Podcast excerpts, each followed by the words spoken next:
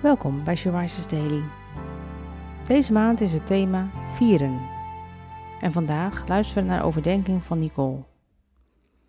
We lezen uit de Bijbel, Hebreeën 12, vers 1 en 2. Nu zo'n grote menigte van getuigen ons ziet en aanmoedigt, moeten wij alles afleggen wat ons hindert en ons bevrijden van de zonde die zich aan ons vastklemt. Wij moeten de wedstrijd voltooien die voor ons ligt, zonder op te geven. En daarbij moeten wij blijven kijken naar Jezus, die ons de weg wijst. Hij is het doel van ons geloof. Hij kon zich aan het kruis laten slaan en de schande negeren, omdat hij wist welke blijdschap hem te wachten stond. En nu zit hij aan de rechterzijde van de troon van God.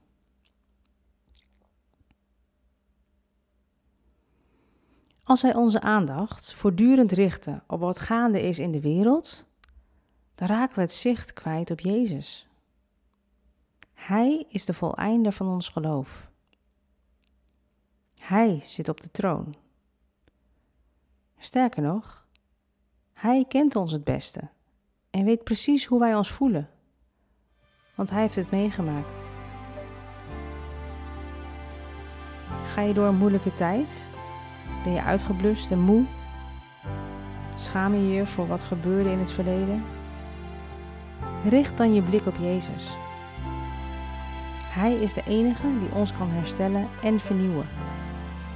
Hij houdt ons in zijn hand. Hij kan ons troosten op momenten dat we het niet verder kunnen. Vind rust in Hem. Richt vandaag je blik naar boven, naar Hem. En word stil in Zijn aanwezigheid. Stort je hart uit bij Hem en laat toe dat Jezus jouw leven vervult met Zijn vrede.